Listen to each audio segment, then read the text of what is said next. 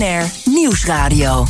De Zakenlunch. Tijd om belangrijk zakelijk nieuws van dit moment te bespreken. Samen met Paul Scholten, topman van Buckrew... en Stan Westerterp van Bond Capital Partners... voor een blik op de beurs. En Stan, goedemiddag. Goedemiddag, Thomas. Nou, ook jij zult er niet aan ontkomen. Dat rentebesluit van de ECB, wat er daar wordt uh, besloten... 25 basispunten, 50 basispunten, dat antifragmentatie-instrument... Blijf ja. koffiedik kijken. We kunnen er nu nog heerlijk op speculeren. Dat is een beetje jouw lot als vaste man op donderdag. Wat denk ja, jij? Ja, we hebben het gras natuurlijk net al redelijk weggemaaid. Uh, maar de kans dat 50 basispunten wordt, uh, lijkt toch wel uh, ook steeds groter te worden. En wel opvallend, hè, dat had je net al even in een bijzin. Het feit dat ze een half uurtje langer erover doen, is denk ik toch ook omdat er vandaag een heleboel gebeurt. Hè. Draghi die, die aftreedt, Nord Stream 1 wel of niet open. Ehm, ja, dat zijn misschien belangrijke zaken die ze toch nog even in een overweging mee willen nemen. Maar ik zou het niet meer dan logisch vinden dat ze in ieder geval met 50 basispunten beginnen. Als je gewoon kijkt naar, naar de inflatiecijfers van de afgelopen periode. en de markt, denk ik, zal daar ook wel vrede mee hebben. Want in Amsterdam staan we bijna een procent hoger. En de rest van de, sorry, de Italiaanse beurs is iets lager. Maar de rest van de Europese beurzen blijven dicht bij huis. Dus het is niet zo dat we in paniek zijn op dit moment. het zit er al in, zeg je. Maar je zegt tegelijkertijd ook laten we beginnen bij die 50 basispunten. Dat is nog lang niet het einde van het verhaal. Nee, zeker niet. Natuurlijk niet. Nee, dat, er moet veel meer gebeuren om ervoor te zorgen dat die inflatie ingeperkt wordt. En wat met name belang, van belang is voor de ECB erin, is dat de euro wat aansterkt. Veel van de grondstoffen die wij inkopen worden natuurlijk in dollars afgerekend. Met name energie, olie en gas. Um, en dan zijn niet alleen die prijzen opgelopen, maar ook de dollar is nog een stuk duurder geworden. Um, en ja, daar ligt de eerste taak van de ECB om er een beetje voor te zorgen dat onze euro weer wat sterker wordt, zodat we niet te veel inflatie meer importeren. En daar zou dus ook gewoon simpelweg een hogere rente bij horen, dat je niet zoveel renteverschillen meer hebt tussen. Dus de ECB moet het spoor van de Fed volgen, waar ze ook nog lang niet klaar zijn met het verhogen van de rente en waar die stappen ja. ook wat groter zijn. Ja, eens. Uh, en in tegelijkertijd was er natuurlijk wel rekening mee houden. Dus oké, uh, ja, het is een beetje balanceren op, uh, op een koord. Dat hebben we natuurlijk al vaker geconstateerd. Is dat je niet in een hele diepe recessie te, te, terechtkomt. En dat de spreads tussen de verschillende onderlinge landen niet te groot worden. Dus het is een, vrij moeilijk besluit. En ik begrijp wel dat ze dan toch even een half uurtje extra daarvoor nodig hebben. Paul, hoe zou jij als ECB-bestuurder hypothetisch uh, reageren in deze situatie? Nou, ik zou. Uh, het is een beetje moeilijk te zeggen, maar ik zou dan inderdaad wel voor de 50 basispunten gaan. Met de, de logica dat als je iets wil doen, dan moet je het doen voordat er inderdaad een recessie aankomt. En ja, dan liever met wat grotere stappen dan uh, te lang wachten. En dan zeg je dus ook 50 basispunten is een begin. Ja. daarmee ben je er nog niet. Daarmee ben je nog niet. Nee. Met de inflatiecijfers die we zien. Je hebt ook met uh, enige interesse gekeken naar de Italiaanse taferelen van gisteren. Dat gaat dan vandaag uh, vrolijk verder met het definitief opstappen van Draghi. Het ging gepaard met staande ovaties, met af en toe een traantje dat geplinkt werd. Um, welk gevoel overheerst bij jou? Nou, het is een beetje het gevoel van. Uh, ja, Italië had eindelijk een regering van nationale eenheid. met iemand die het statuur heeft om ook in Brussel dingen gedaan te krijgen. En dan gaan ze om partij, partijpolitieke redenen weer ruzie maken. Want voor een groot gedeelte is natuurlijk de drie partijen die zich afgescheiden hebben... die hebben gezegd van ja, we kijken naar de verkiezingen volgend jaar... en we willen onze eigen punten maken. En uh, we staan soms wel soms niet goed in de, in de peilingen. Dat is toch ook een beetje politiek bedrijven, zeg ik dan maar? Dat is een beetje politiek bedrijven, maar dan moet je de vraag stellen... of je dat op dit moment kan doen met een situatie van de economie... Uh, zo, zo als Italië die heeft. Maar had Draghi dan over zijn hart moeten strijken? Toch ook nog even aan jou de vraag, want hij had een parlementaire meerderheid. Uh, Weliswaar ja. niet in zijn eigen coalitie. Maar ja, dan kom je terug een beetje op het feit wat, uh, wat net ook gezegd wordt. Het is niet een man met veel compromisbereidheid. En die zegt ook van ja, ik ben hier voor aangenomen. En als mij me niet ondersteunt, dan hou ik ermee op. Stan, we gaan naar het andere thema van vandaag, namelijk uh, Nord Stream 1. Toch weer open, met als uh, belangrijke vraag... hoeveel gaat er nu daadwerkelijk door die leiding heen... en wat is de bandbreedte van dat contract... waarvan de Russen zeggen dat blijven wij respecteren. Uh, je ziet het wel meteen terug in de gasprijzen. Ja, die gasprijs, ik zit even live mee te kijken, Thomas. Die is inderdaad uh, de laatste dagen sowieso al aan het dalen geweest. Maar hij staat nu zo'n 5% lager. Dat is de TTF gasfuture in Amsterdam. Uh, en uh, die staat zeg maar rond de 147. Uh, hij komt van de 180 af, dus dat is een flinke daling. maar om je een idee te geven, hij stond eerder dit jaar rond de 100 gemiddeld genomen. het gaat even om, om ja, geïndiceerde bedragen, zeg maar. Maar om een gevoel te krijgen bij hoe die gasprijs zich ontwikkelt, zie je dus duidelijk dat de afgelopen week echt sprake is van een daling.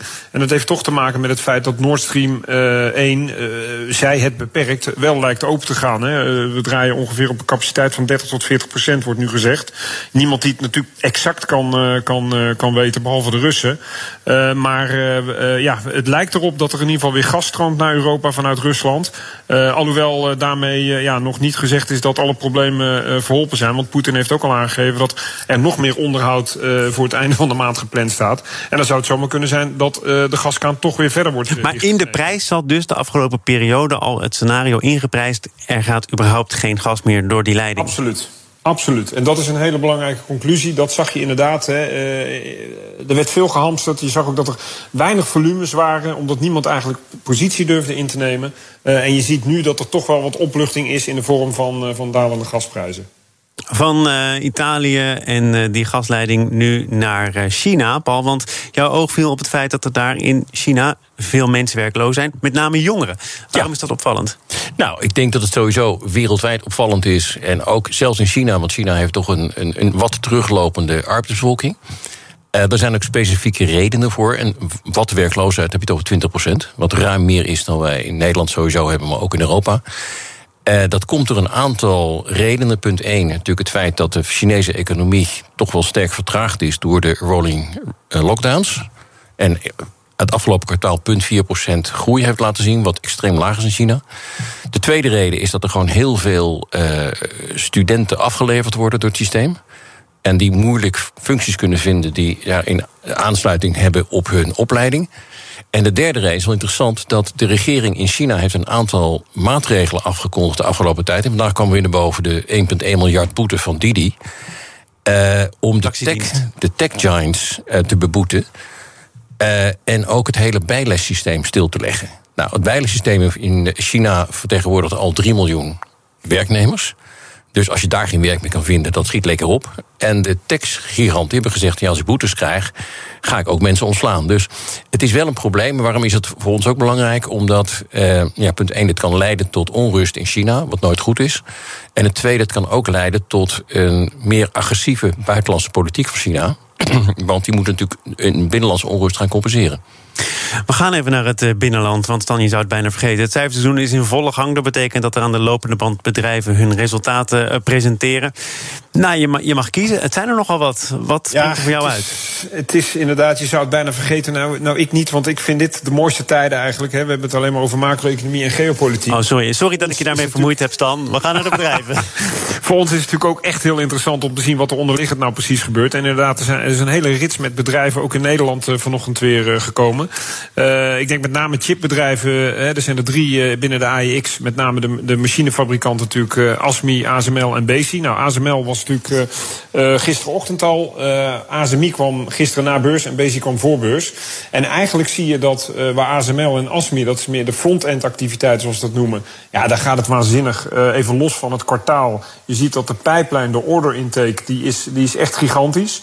Uh, en daar worden die bedrijven ook voor, uh, voor beloond. Uh, ASMI staat zo'n bijna 10% hoger op dit moment. En waarom zeg je dan los van het kwartaal? Want dat is toch juist waar het ook om gaat vandaag dan?